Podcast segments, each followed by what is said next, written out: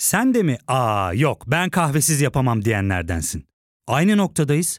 İlk ve tek kahve üyelik uygulaması Frink'le tanış. Hem bütçeni koru hem de hiç bitmeyen kahvenin tadını çıkar.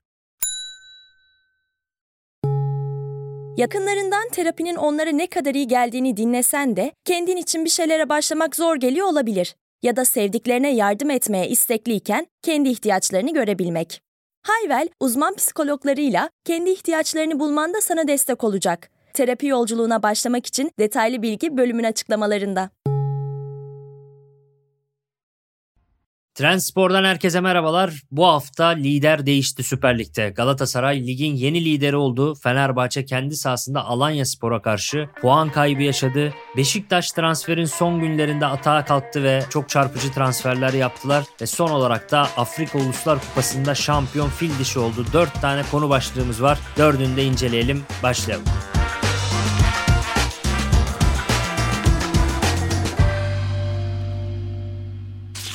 Öncelikle liderle başlayalım Galatasaray'la. Galatasaray kendi sahasında Başakşehir'i yendi. 2-0 yendi ve bir maça daha Barış Alper Yılmaz damgasını vurdu. Milli oyuncu bu sezon çarpıcı bir istatistiğe imza atıyor. Farklı farklı pozisyonlarda oynamasına rağmen oynadığı neredeyse her pozisyonda en azından bir maçın adamı olmayı başarıyor. Birçok maça damga vurdu. Bu maça da sol kanatta oynarken damga vurdu ve bu sezon 5 farklı pozisyonda çıktığı en az 5 maçta maçın adamı olmayı başardı Barış Alper. İşte Başakşehir maçında sol açık olarak, Samsun Spor maçında sağ açık olarak, Gaziantep maçında sol bek olarak, kupadaki Ümraniye maçında sağ bek olarak ve milli takımda Hırvatistan'a karşı en önde santrfor olarak bu sezon içerisinde tam 5 kez maçın adamı olmayı başardı. Bu çok çarpıcı ve hemen hemen yani hiçbir futbolcunun yapamayacağı bir şey ama fizik olarak çok anormal bir seviyeye çıktığı için ligin çok üzerinde bir fizik kaliteyle oynadığı için sanki sanki Barış Alper böyle kendisinden küçük yaş grubuyla mücadele ediyormuş gibi bir durum yaratıyor.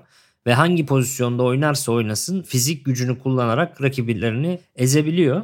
Tabi bu maçın şöyle bir bakış açısıyla okunması gerek. Galatasaray 3-4 maç önce oynadığı lig maçında Gaziantep maçını yine Barış Alper'in son dakika golüyle kazandırdığı maçı zar zor kazanmıştı. Hem de kendi sahasında olmasına rağmen bir problemdi bu. Ve ondan sonra oynadığı 3 maçta ipleri sıkı tuttu Galatasaray ve maçları erkenden kopardı. Özellikle Samsun maçı 15 dakikada 2-0 oldu. Daha sonra kupadaki Bandırma maçı da ilk yarıdan 3-1 oldu ve son olarak Başakşehir maçı da ilk yarı 2-0 neticelenmişti. Yani ilk yarıdan 2 farkı buldu Galatasaray. Ardarda arda oynadığı 3 maçta. Fakat bu 3 maçta da ikinci yarılar çok fazla Galatasaraylıların istediği gibi gitmedi. Hatta özellikle son ikisi yani Bandırma ve Başakşehir maçlarında bir şekilde 2-1'e gelse durum son dakikalarda 2-2'ye de gelebilecek gibi bir enerjisi çekilmiş bir Galatasaray gördük ikinci yarılarda. Bu önemli bir eleştiri noktası. Galatasaray'ın burada bir öz eleştiri yapması lazım.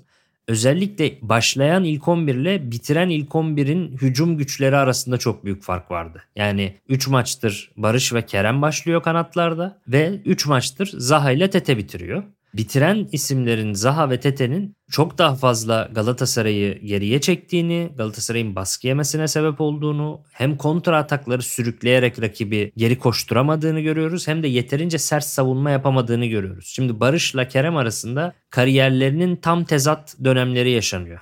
Barış belki de kariyerinin en özgüvenli, en formda dönemini geçirirken Kerem Aktürkoğlu da kariyerinin en stresli, en kırılgan döneminden geçiyor. Ve o yüzden Kerem'in top kontrolleri, pasları vesaire Barış'a göre çok daha geriye gitmiş durumda. Barış'ın da çok daha fazla yapamadığı işleri yaptığını hatta ilk yarıda bir pozisyon var Mertens'e ekstra pas falan çıkarıyor. Onlar artık böyle oyun görüşü çok yükselmiş, çok tecrübeli oyuncuların yapacağı bir iş. Ama Barış o kadar özgüvenli ki onları bile yapabiliyor artık. İkisi arasında böyle büyük bir fark var oyun tarzı olarak ama bir açıdan fark yok. Her ikisi de özel antrenörlerle çalışıyorlar. Fizik antrenörleriyle çalışıyorlar.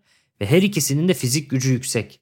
Yani Kerem en kötü maçını çıkarsa bile yaptığı devamlı koşularla rakiplerin beklerini öne çıkarttırmıyor. Rakip kendi yara alanından kolay kolay çıkamıyor Kerem Barış ikilisi önde oynadığında. Fakat ikisi de ikinci yarıda çıktığında veya Barış beke geçtiğinde o zaman ön taraf Icardi ve Mertens gibi daha tecrübeli biraz veteran oyuncular da ikinci yarı daha da yorulduğu için bir de Zaha ve Tete beklenen enerjiyi getiremedikleri için Galatasaray geri çekilmeye başlıyor. İlk yarı Galatasaray yarı alanında hiç göremediğimiz Başakşehir bekleri ikinci yarı Galatasaray yarı alanında oyun kurmaya başlıyor. Hatta o offside olup sayılmayan gol öncesinde Leo Dubois Galatasaray yarı alanında orta sahanın orada pası denize atan ve oyunun yönünü değiştiren isim.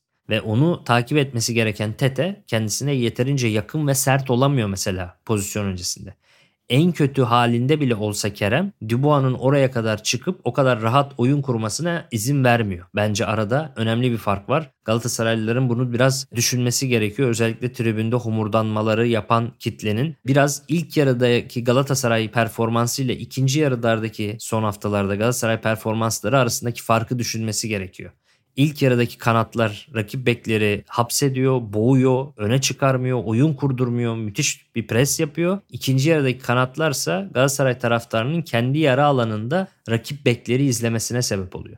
Niye bek üzerinden veriyorum bu örneği? Çünkü Başakşehir Teknik Direktörü Çağdaş Hoca'nın alameti farikası bekler üzerinden oyun kurması. Yani A planının en baskın olayı bek oyuncularının merkeze kadar girip bir 6 numara gibi oyun kurmalar. Özellikle bunu yapabilmek için sağ bek olan Dubois'ı ters ayakla sol bek oynatıyor. Sol bek olan Lima'yı ters ayakla sağ bek oynatıyor. Bunların ikisi de çok tecrübeli oyuncular. Ve kariyerlerinde böyle hani diğer bekte oynamışlıkları olsa da hani ikisi de orijinal pozisyonunun zıttında oynaması sırf Çağdaş Hoca'nın orada merkeze girip oyun kurması. Fakat Kerem ve Barış'ın başarısından bahsederken burada esas payı Okan Buruk'a vermek gerekiyor. Çünkü Okan Buruk rakibini çok iyi analiz etmiş ve Barış'la Kerem Aktürkoğlu her iki bekede Lima ve Dubois'a birebir markaj uyguladılar ve merkeze girip oyun kurmalarına izin vermediler. Direkt onları tuttular. Merkezde kalabalık olunca hem Başakşehirli oyuncular hem Galatasaray'da Torreira, Kerem Demirbay, Mertens, Barış ve Kerem beşlisi merkeze yığılınca orada fizik kalitesi yüksek olan Galatasaraylı Barış Torreira, Kerem Aktürkoğlu, Mertens de küçük cüsseli bir oyuncu olsa da çok çabuk ve prese çok iyi katılan bir oyuncu. Ve Kerem Demirbay da çok koşan tempolu Bundesliga'dan gelen bir oyuncu olduğu için koşu mesafesi hep yüksek bir oyuncudur Demirbay. Bu beşli fizik olarak net olarak Başakşehir'e üstünlük sağladı. Onları sindirdi ve ilk yarıdan orta saha üstünlüğünü çok net bir şekilde Galatasaray ele geçirdi. Yani burada Okan Hoca'nın net sonuç aldığını görüyoruz. Ama daha net bir sonuç var. Normalde Barış Alper sağ açık, Kerem Aktürkoğlu da sol açık başladı. Zaten daha iyi oynadıkları pozisyonlar bunlar. Fakat rakip böyle bir eşleşme yaratınca yani her iki bekini ters ayakla oynatınca Okan Hoca da çok zeki bir teknik adam ve daha zayıf olan Lima karşısına çok daha güçlü olan birebirlerde Barış'ı attı. Yani Dubois da çok cüsseli iri bir oyuncu değildir ama Dubois da yere çok daha sağlam basan bir oyuncudur. Lima ise ikili mücadelelerde çok daha yumuşak kalan, artık veteran olmuş, zaten cılız bir oyuncu. Onu Barış'la eşleştirdi ve golde çok net bir şekilde teke tek kalınca Barış geriden gelmiş olmasına rağmen Lima'ya fiziğini koydu ve ilk golü o sayede buldu. İkinci golde de yine Barış'ın deliciliği var. Dönen topta Mertens'in şutları ardarda golü getirdi. Golle ilgili de şunu da söylemek istiyorum. Biliyorsunuz Başakşehir de Fenerbahçe'ye karşı oynadı. Bunlar tabii iki takımın oynadıkları maçlar birbirlerine referans. Başakşehir yine Fenerbahçe'ye karşı da çok geride bekleyen, kapalı oynayan bir takım ve o maçta hatırlarsanız Fenerbahçe rakip ceza sahasına girme rekoru kırmıştı topla. Yani rakip ceza sahasında en çok topla buluşan Süper Lig takımı olmuştu bir maç özelinde. Bu 2014-15'ten beri tutulan neredeyse işte 10 yıldır tutulan Opta istatistiklerinde binlerce maç içerisinde birinci sırada oldu Fenerbahçe için. Fakat o maçtan sonra da demiştim ki Başakşehir gibi takımlara karşı aslında ceza sahasına girme rekoru kırmaktansa, ceza sahasını bu kadar zorlamaktansa rakip çok gömüldüğü için uzaktan şutları daha çok denemek lazım. Ki Fenerbahçe de o maçı 1-0 kazandı son dakikadaki penaltı golüyle. Penaltıyı getiren gol ceza sahası dışından vurulan nihayet bir uzaktan şutla yakalanmıştı ve o penaltı da gol olmuştu. Aslında bu kadar gömülen takımlara karşı uzaktan şut karamboller yaratabilir, kontrpiyede kalabilir kaleci önündeki savunmaya veya hücuma çarpıp top yön değiştirebilir. Penaltı olabilir Fenerbahçe maçında olduğu gibi veya o kalabalıktan kaleci topu göremez veya geç reaksiyon yapabilir. Bu ikinci golde tam öyle oldu. Mertens'in şutu önce rakibe çarptı ve Volkan kontrpiyede kalıyordu ayağıyla kurtardı. İkinci tekrar Mertens'e geldi. Bu kez şutunu attığında da Volkan Babacan topu geç gördü ve refleksi geç olduğu için bu gol bu şekilde gerçekleşmişti. Şimdi Barış Lima örneğini verdim. Birebir eşleşme ve Okan Hoca'nın anlık reaksiyonunu verdim. Buradan da Fenerbahçe maçına geçelim. Çünkü bu maç içindeki güzel dokunuşları İsmail Hoca'dan pek fazla göremiyoruz. İsmail Hoca belli bir plan istikrarını sürdüren bir hoca. Maç öncesi videolarımda şundan bahsediyordum. Alanya Spor'da Oğuz Aydın çok önemli bir oyuncu ve sürekli Oğuz Aydın'a kontra atak planlarıyla çıkmaya çalışan bir Alanya Spor var. Haftalardır böyle ve Oğuz Aydın da bu sezonun en ciddi çıkış yapan, en formda oyuncusu çok büyük ihtimalle de yaz transfer döneminde dört büyüklerin ilgisi altında olacak ve transfer yapmasını da bekliyorum. Şimdi Oğuz Aydın bu kadar baskın bir performans sergiliyorken oyun planı da bu kadar barizken nasıl Çağdaş Hoca'nın bekleri oyun kurucu yapması planı çok A planı ve baskın bir plansa ve Okan Hoca bunu görüp ona göre önlem alıyorsa Fatih Hoca'nın da en baskın planı iki kanada çok süratli iki oyuncu kullanması. Yani en hızlı 3 oyuncusundan iki tanesini mutlaka kanatlarda oynatıyor. Eskiden sağ bek olan Augusto'yu sol açık yapıyor. Eskiden sol açık olan Oğuz'u da sağ açık yapıyor. Bu sayede de kanatları çok önde kullanıyor. Hatta çoğu zaman santrforsuz oynuyor. Kanatları arkaya koşturan bir plan yapıyor. Şimdi ben şunu düşünmüştüm. Çoğu zaman Ferdi hücumlara çok çıktığı için Fenerbahçe'nin en güçlü yeri sol tarafı olduğu için e, savunmada haliyle Ferdi'ye sürekli kademe getirmeniz gerekebiliyor. Ferdi veya birçok hücumu güçlü bir savunma oyuncusu hücuma çıkmak isterken savunmada da risk alabilir. Yani ilk gol böyle oldu biraz. Şimdi Oğuz bu kadar baskın diyorum. Aslında birebir de en iyi rakip durduran oyuncu da Osterwolde. Özellikle bunu Fenerbahçe'nin ilk Nordsjælland maçında iç sahada oynanan maçta görmüştük ve Osterwolde çok süratli bir kanat oyuncusunu parçalamıştı maç boyunca. Adım attırmamıştı ve Fenerbahçe çok net bir galibiyet almıştı. Şimdi böyle bir örnek de var elimizde ve Oğuz Aydın en önemli isim. Ki sağ Mert de Osay Samuel Afrika Uluslar Kupası'nda olduğu için haftalardır 3 günde bir maça çıkıyor. O da yorgun aslında. Yani bu maçta Osterwolde sol bek oynasa ve Oğuz'la birebir eşleşse, Ferdi de bu maçlık sağ bek oynasa bence maça göre iyi bir plan olurdu diyorum. Fakat bu tip hamleleri çok fazla İsmail Hoca'dan göremiyoruz. Ve Fenerbahçe bu maçla birlikte kendi sahasında bu sezon 9 puan bırakmış oldu. Yani normal karşılanabilir normal bir sezonda ama bu sezon normal bir sezon değil yani. Zirvedeki iki takımın kolay kolay puan kaybetmediği bir sezon. Ve Galatasaray'a baktığımızda kaybettiği puanlar çok daha beklenen maçlarda. Yani Kayseri deplasmanı, Sivas deplasmanı, özellikle Ocak ayında oynanmış bir Sivas deplasmanı, Fenerbahçe deplasmanı beraberlikleri var ve Hatay deplasmanında da bir mağlubiyeti var Galatasaray'ın. Yani tüm kayıpları deplasmanda. Fenerbahçe'nin ise deplasmanda sadece Adana Demirspor beraberliği var. Bu da normal karşılanabilir. Birçok eksiği de vardı Fenerbahçe'nin. Ama iç sahada Galatasaray'a, Samsun'a, Trabzonspor'a ve Alanya Spor'a beklenmedik puanlar kaybetti Fenerbahçe ve şu anda ikinci sıraya düşmesinin nedeni bu iç sahadaki performans sıkıntısı veya gerginlik veya o stresi yönetememekle ilgili sıkıntı. İsmail Hoca'yı sadece küçük dokunuşları eksik kaldı diye eleştirmeyeceğim. Daha çok bu iç sahadaki stresi yönetememekle ilgili bir eleştirim olacak o kendisine. Çünkü maç sonunda yayıncı kuruluşa bir demeç verdi ve şunları söyledi. İyi başladık. Maç başından sonuna kadar bütün oyun kontrolü bizim elimizdeydi. Oyuncuların çok coşkulu, çok istekliydi. Taraftarlarımız, tribünlerimiz çok coşkulu, çok istekli. Fakat iki kere kalemize geldiler. Maalesef ikisi de gol oldu. Sonuçta 2-1 öne geçtik. 2-1 öne geçtikten sonra birazcık daha oyunun temposunu düşürüp sonuçta bu, bu puan maçı şampiyonluğa oynuyoruz. Tabii ki 3. golü 4. golü atmak için oynamalıyız ama çok erken bir gol yedik. O arada birazcık oyunun temposunu düşürebilseydik, birazcık daha rakibi kontrol altına alabilseydik bu maçtan 3 puanla ayrılabilirdik. Şimdi bunu söyledi İsmail Hoca ama ikinci golde İsmail Hoca'ya dikkat edin inanılmaz bir sevinç yaşıyor. Ve maç içerisinde de çok gergin gözüküyor. Sürekli sinirli, hırslı, takımı da hırslı. Kendisi daha da hırslı ama biraz o heyecanı da gösteriyor. Çok fazla gösteriyor. Yani İsmail Hoca yeterince sakin değildi ki oyuncuları 2-1'i bulduktan sonra sakinleşip biraz daha topu çevirebilsin. Yani belki tabii oyuncular hocadan bağımsız böyle olmalıydı diyebilirsiniz ama hocanın bunu bekliyorsa kendisinin de öyle bir vücut dili sergilemesi gerekirdi diye düşünüyorum. Ve rakibi Okan Buruk'tan en ayrılan yeri de bana burası gibi geliyor. Ben birçok teknik direktörün çok sayıda basın toplantısına katıldım. Hem İsmail Hoca'nın ilk döneminde de ikinci döneminde de bu döneminde de hem Okan Hoca'nın Galatasaray'da birçok basın toplantısını izledim ve bence iki hoca arasındaki en belirgin fark burada ortaya çıkıyor. Okan Hoca'nın Manchester United deplasmanı öncesi bile işte Bayern Münih maçları öncesi bile basın toplantısında şakalaştığını, gülerek basın toplantısına katıldığını ve o stresi, baskıyı, ağzından çıkacak bir lafın ona nasıl geri döneceğini falan hiç o kadar hissetmediğini görüyorsunuz. Yani çok daha rahat espriler yapıyor vesaire.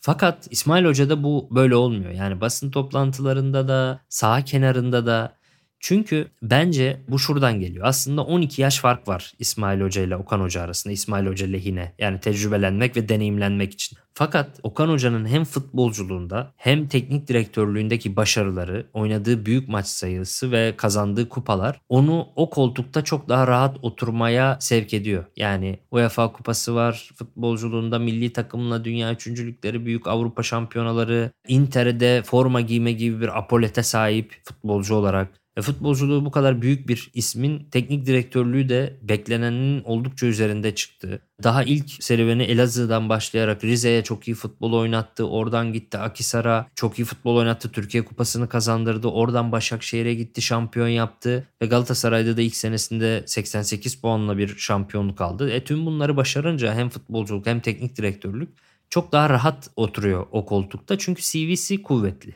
Fakat İsmail Hoca'nın teknik direktörlüğünde Sivas Spor'u TFF 1. Lig'den Süper Lig'e çıkarmak dışında dişe dokunur bir başarı gözükmüyor. Eh yani Fenerbahçe'yi çalıştırmak için de Sivas Spor'u TFF 1. Lig'den Süper Lig'e çıkarmış olmak yetmiyor normal şartlar altında. Fakat ikinci dönemindeki birleştirici rolü, camianın evladı gibi soyut kavramlar bir şekilde hocayı tekrar o koltuğa oturtuyor. Ama o koltuğa otururken liyakat konusunun tam altının dolmadığını görüyoruz. Yani Erol Bulut bile ki ben Erol Bulut'un Anadolu'da yaptıkları daha başarılı. Alanya Spor'a ilk 5 vesaire yaptırdı. Kafaya oynattı. En azından diyebiliyorsunuz ki bir Anadolu takımını Süper Lig'de kafaya oynattı Erol Bulut. Ki onun mesela liyakat konusu ne kadar eleştirilmişti.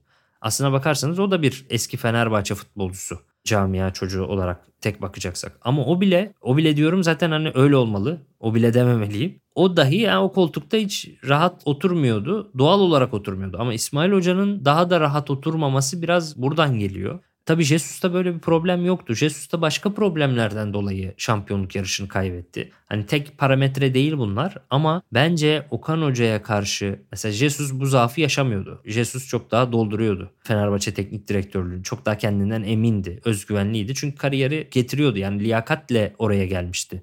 Fakat İsmail Hoca'da bu baskı çok hissediliyor. E keşke Anadolu'da büyük başarılar elde edip Üstüne bir de Fenerbahçe futbolculuğu apoletiyle camianın evladı olma şekliyle geliyor olsaydı. Yani hem liyakat hem de Fenerbahçelilikle birlikte geliyor olsaydı. Ama sadece Fenerbahçelilikle gelmiş olunca bence bu stres ve gerginlik durumu orada hissediliyor. Özellikle bu haftalarda hissediliyor. Özellikle yaptığı açıklamanın yani basın toplantısında yayıncı kuruluşa verdiği açıklamayla kendi tavırlarının örtüşmemesi açısından etkiliyor. Ama bunlar dışında yani bu puan kaybı sadece hocanın gerginliğinden değil bence. Bu dönemde yani ara transfer dönemi gelmeden önce Fenerbahçeli arkadaşlarla konuşurken açıkça şunu söylüyordum. En iyi futbolu oynayan takım Fenerbahçe bu haftalara kadar diyordum yani ikinci yarıya başlayana kadar. Fakat Fenerbahçe'nin kendi ayağına sıkma, iyi giderken bozucu hamleler yapma ihtimali yüksek bir kulüp diyordum. Çünkü hem baskı altında yönetimde ve 9 senedir gelmeyen şampiyonluk da bu baskıyı daha da arttırıyor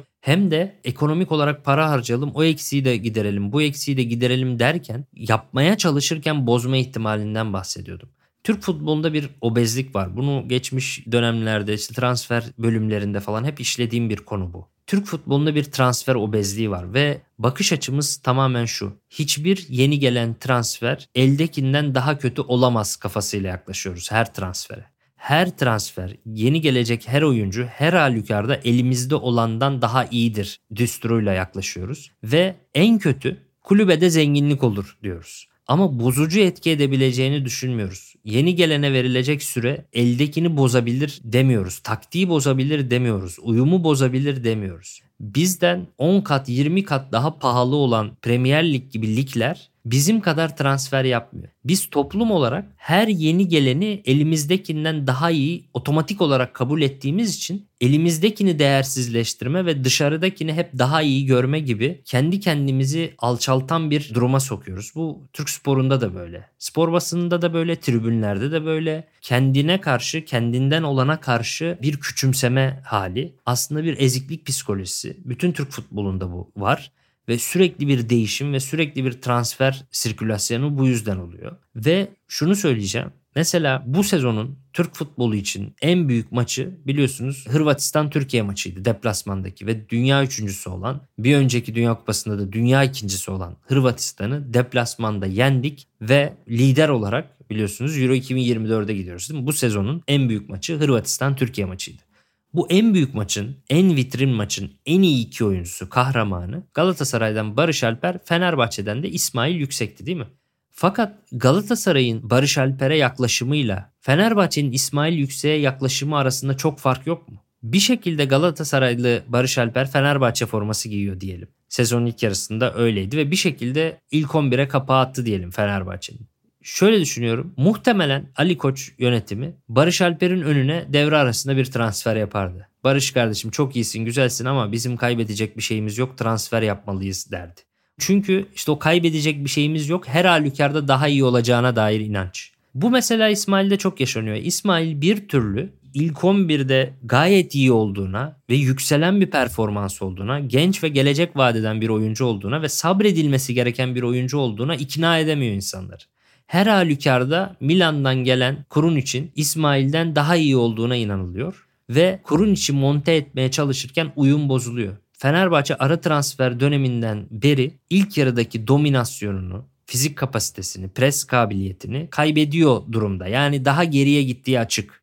Tamamen kaybetmiş diyemeyeceğim. Hala güçlü bir takım Fenerbahçe. Yeniden galibiyetler alabilecek, şampiyon da olabilecek. Çok da zengin bir kadroya da sahip. Kaliteli kadroya da sahip. Fakat zaten çok iyi gideni bozmak gibi bir problemle de karşı karşıyalar. Ve Kurunic döndüğünden beri verilen geçişler, ilk golde Kurunic'in kendi ceza sahasına gelirken savsaklanması, Fenerbahçe'nin topu kaybettikten sonraki pres gücünde yaşanan düşüş, bunlar hep bu değişimler yüzünden gerçekleşen şeyler bence. Ve son 5-6 haftada 2 beraberlik var. Ve Başakşehir maçında son dakikada penaltı olmasa son 6-7 haftada 3 beraberlik olacaktı. Bunlar bu transfer döneminden sonra birçok yeni transfer, Çağlar, Bonucci, Kurunic dışarıdan baktığında çok büyük CV'ler gelmiş olmasına rağmen. Fakat gelmeden önce zaten Osterwolde çok iyiydi. Yani zaten genç, zaten gelecek vadeden, ciddi de bir bonservisle aldığın ve çok da iyi giden Osterwolde'yi kesmek şart mıydı diye insan soruyor.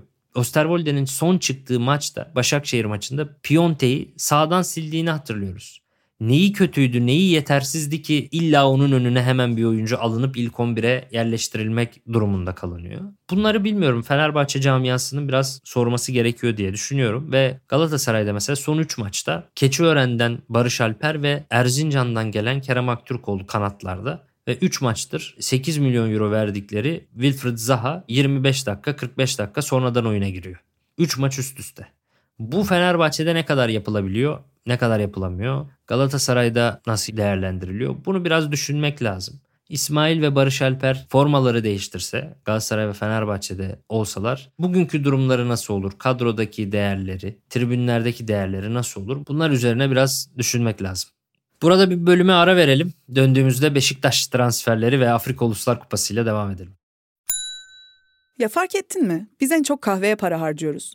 Yok abi, bundan sonra günde bir. Aa, sen Frink kullanmıyor musun? Nasıl yani? Yani kahvenden kısmına gerek yok. Frink'e üye olursan aylık sadece 1200 TL'ye istediğin çeşit kahveyi istediğin kadar içebilirsin. Günlük 40 TL'ye sınırsız kahve mi yani? Çok iyiymiş. Aynen. Hatta şu anda 200 TL'lik bir indirim kodu da var. E hadi hemen indirip üye ol da bu fırsatı kaçırma. Terapiye başlamak, içinden çıkamadığın döngüleri kırmak, bazı yanlış bulduğun kararlarını değiştirmek ve kendinle beraber daha huzurlu bir yaşam inşa etmek için atabileceğin en değerli adımlardan biri. Hayvel ile yoğun yaşam tempona uyum sağlayarak online terapi seanslarını takvimine göre ayarlayabilirsin. Bini aşkın uzmandan sana en uygun terapisti seçebilir, PodB10 koduyla indirimden yararlanabilirsin. Detaylı bilgi açıklamalardaki bağlantıda. Şimdi Beşiktaş'a kısa değineceğim. Çünkü yeni transferleri göremedik. Bir görelim. Nasıl oynuyorlar? Umarız bir Beşiktaş'ta düzelmeyi izleyelim. Ondan sonraki haftalarda daha uzun konuşuruz. Ama Beşiktaş için ara transfer döneminde böyle bir son gün hamleleri herhalde kimse beklemiyordu. Beşiktaşlılar dahi umudu kesmişti. Hatta bizim bir önceki Transpor bölümümüzde UEFA listeleri belirlenmek üzereydi ve şunu söylemiştik. Galatasaray ve Fenerbahçe işte transferlerini yaptı, listelerini verdi. Beşiktaş ve Trabzonspor'da ise garip bir durum yaşanıyor. İlk yarıyı çok kötü geçirmiş olmalarına rağmen ve sezonun ikinci yarısına transferlerdeki hamlelerle daha iyi girmeleri beklenirken aksine çok sayıda oyuncu kaybettiler ve kan kaybettiler demiştim. Her iki takım da 4-5 tane oyuncu kaybetti Beşiktaş ve Trabzonspor. Fakat yerlerine de oyuncu alamadılar. Beşiktaş sadece Svensson aldı. Trabzonspor'da hiç adam alamadı demiştim. Ama Beşiktaş transferin son günlerinde hem stoper hem 6 numara El Mustrati hem 10 numarası Muçi'yi aldı ve 4 tane takviye ile gidenlerin yerine çok daha hazır oynayan veya potansiyelli oyuncular takviye etmiş oldu. Mesela Trabzonspor onu yapamadı. Üçüncülük yarışı içinde önemli. Trabzonspor direkt ilk 11'inden Bakasetas, Abdülkadir Ömür gibi 8 numaralarını kaybetti. Ama sadece 32 yaşındaki Münye'yi sağ beke transfer edebildiler. Hani o, o açıdan Beşiktaş'ın daha farklı bir dönem geçirdiğini son gün transferleriyle birlikte görüyoruz. Tabii bu kadar pahalı transferler beklemiyorduk. Bu Arnavut 10 numara Muçi 10 milyon euro bedelle transfer edildi. Ve ara transfer döneminde Türk takımlarının yaptığı en pahalı 3. harcama oldu. Daha önce biliyorsunuz Cagne 13 milyon euroya Kasımpaşa'dan Galatasaray'a gelmişti. Yine Zaniolo da 15 milyon euroya Roma'dan Galatasaray'a gelmişti. Muçi de 3. oldu. 10 milyon euroya Beşiktaş'ın transfer ettiği en pahalı ara transfer oldu. 3. sırada oldu. Tabi El Mustafi de o kadar pahalı hatta daha da pahalı. 1 milyon euro kiralama 10 küsür milyon euro da satın alma opsiyonu var. 2,5'da bir bonus var. Tabii o şimdi henüz gerçekleşmediği için yani yaza gerçekleşmesi beklendiği için onu ara transferde ödenmiş bir para olarak saymıyoruz. Bir de Joy Worrall transfer edildi Nottingham Forest'tan stoper. Ve omurgaya 3 tane takviye. Bir sağ stoper, bir 6 numara, bir de 10 numara Muçi. Ben şimdi şu açıdan bu transferleri olumlu görüyorum. Benim yaptığım Beşiktaş yayınlarında hep diyordum ki birinci önceliği Beşiktaş'ın iyi bir 10 numara. Çabuk, kısa, yaratıcı, kreatif bir 10 numara. Çünkü Beşiktaş hiç Beşiktaş gibi oynayamıyor. Sıradan bir Anadolu takımı gibi. Yarattığı XG'de 8. 10. sıralarda sezon başından beri. Üretim yok. Yani Semih Kılıçsoy gibi bir potansiyel çıkıyor. Fiziğiyle zorluyor, atıyor. İşte bazen Jetson genelde bu sezon kötü geçiriyor istikrarsız ama bazı maçlarda biraz öne çıkabilir. Aynı şekilde Raşitsa bu sene istikrarsız ama bazı maçlarda işte tek başına öne çıkabilir ama bunlar hep bireysel ve fiziksel zorlamalarla. Fakat bunlara top atacak, bunlara oyunu yönlendirecek bir beyin yok sahada. Ve o yüzden yaz döneminde de diyordum ki Beşiktaş bir tane Mertens bulsun. Kısa, çabuk. Bu ortamı organize edebilecek işte ne bileyim Raşitsa'yı arkasındaki Jetson'u işte Cenk'i vesaireyi organize edebilecek bir beyin lazım Beşiktaş'a diyordum. Nihayet genç potansiyelli çabuk bir 10 numara transferi geldi Muçi ile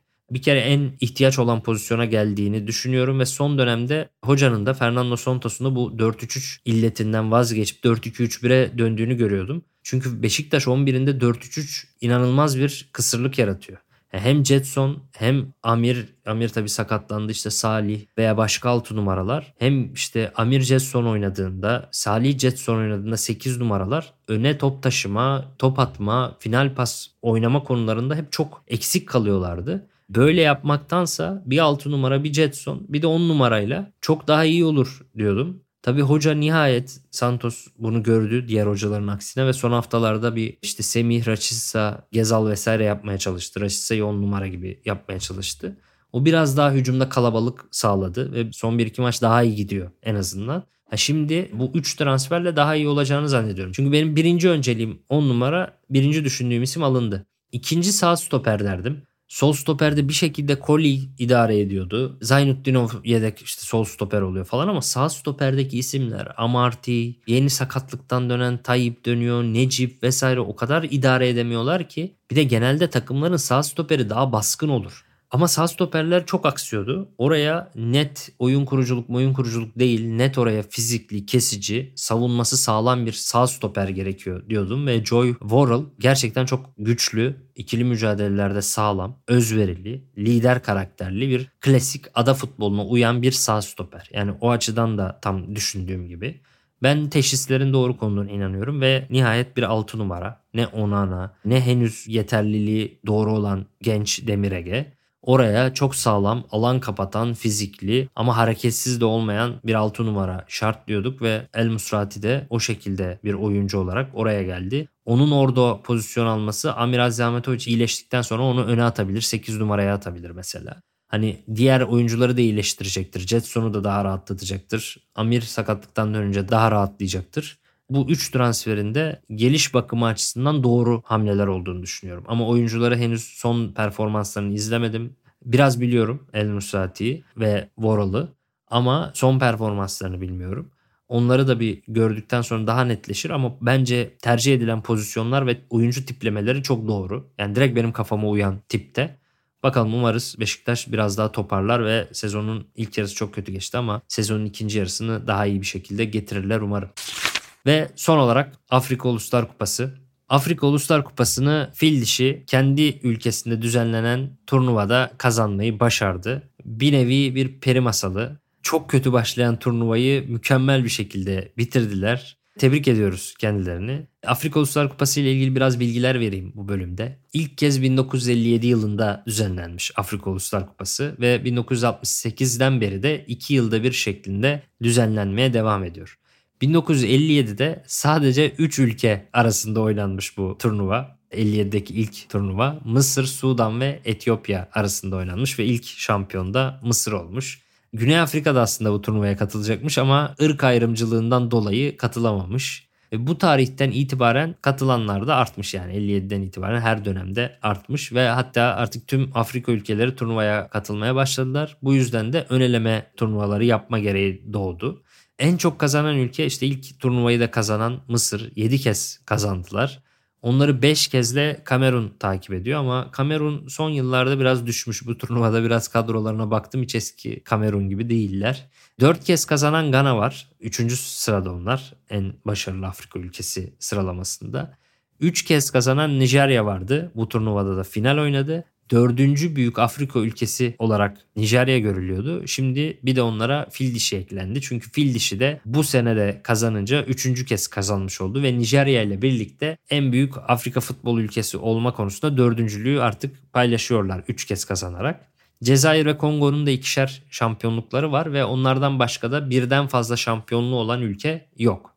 Şimdi Afrika Uluslar Kupası şu açıdan Türkiye'ye yakın hissettiriyor. Çünkü Süper Lig'den çok fazla futbolcu oluyor Afrika Uluslar Kupalarında. Bunu da herhalde İlhan Cavcav'a borçluyuz. İlhan Cavcav'dan bu yana Türk futbolu Afrikalı futbolcuları çok seviyor. Yani Jeremy gibi yıldızları İlhan Cavcav Real Madrid'de ve dünya futboluna satmadan önce Süper Lig'de pişiriyordu.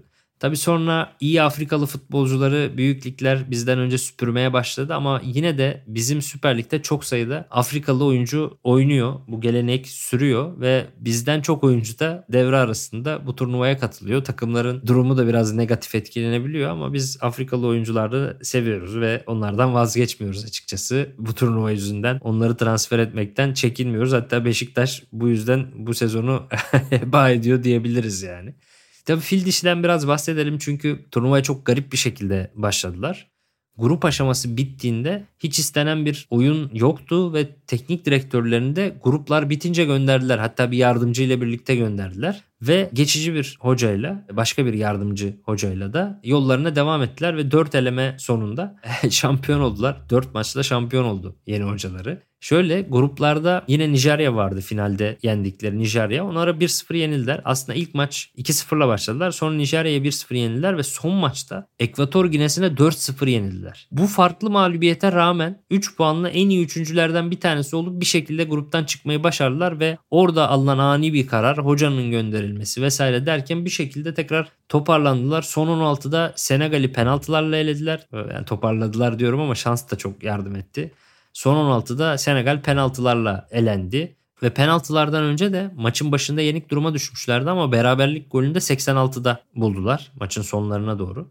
Daha çarpıcısı çeyrek finalde Mali ile eşleşiyorlar.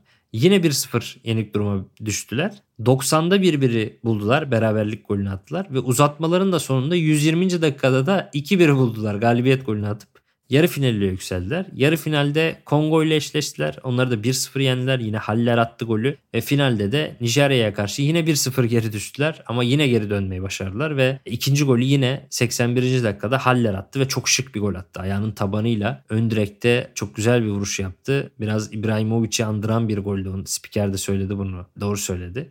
Güzel bir gol oldu ve turnuvaya Haller'de damgasını vurup şampiyonluğu getirmiş oldu. Tabii Haller adına da çok sevindim çünkü en iyi döneminde bundan yaklaşık 2 yıl önce bir testis kanseri yaşamıştı ve futboldan bir ara uzak kalmıştı ve onun dönmesi ve ülkesine bu şampiyonluğu kazandırması da güzel bir hikaye oldu. Ve fil dişi bu şekilde şampiyonluğu aldı. Dinlediğiniz için teşekkür ediyorum. Bu haftanın da sonuna geldik. Gelecek hafta gündemi konuşmaya devam edeceğiz. Görüşmek üzere. Hoşçakalın.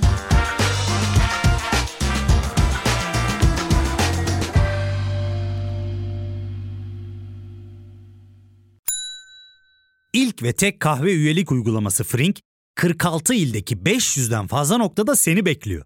Açıklamadaki kodu girerek sana özel 200 TL'lik indirimden faydalanmayı unutma. Hadi sen de Frink üyeliğini başlat, kahven hiç bitmesin. Hem bugününe hem yarınına katacaklarıyla terapi yolculuğuna ve daha iyi hissetmeye bugün Hayvel ile başla. Açıklamadaki linkten Hayvel'i indir, ücretsiz tanışma görüşmelerinin ardından bütçene uygun seans paketini seç ve terapi yolculuğuna başla.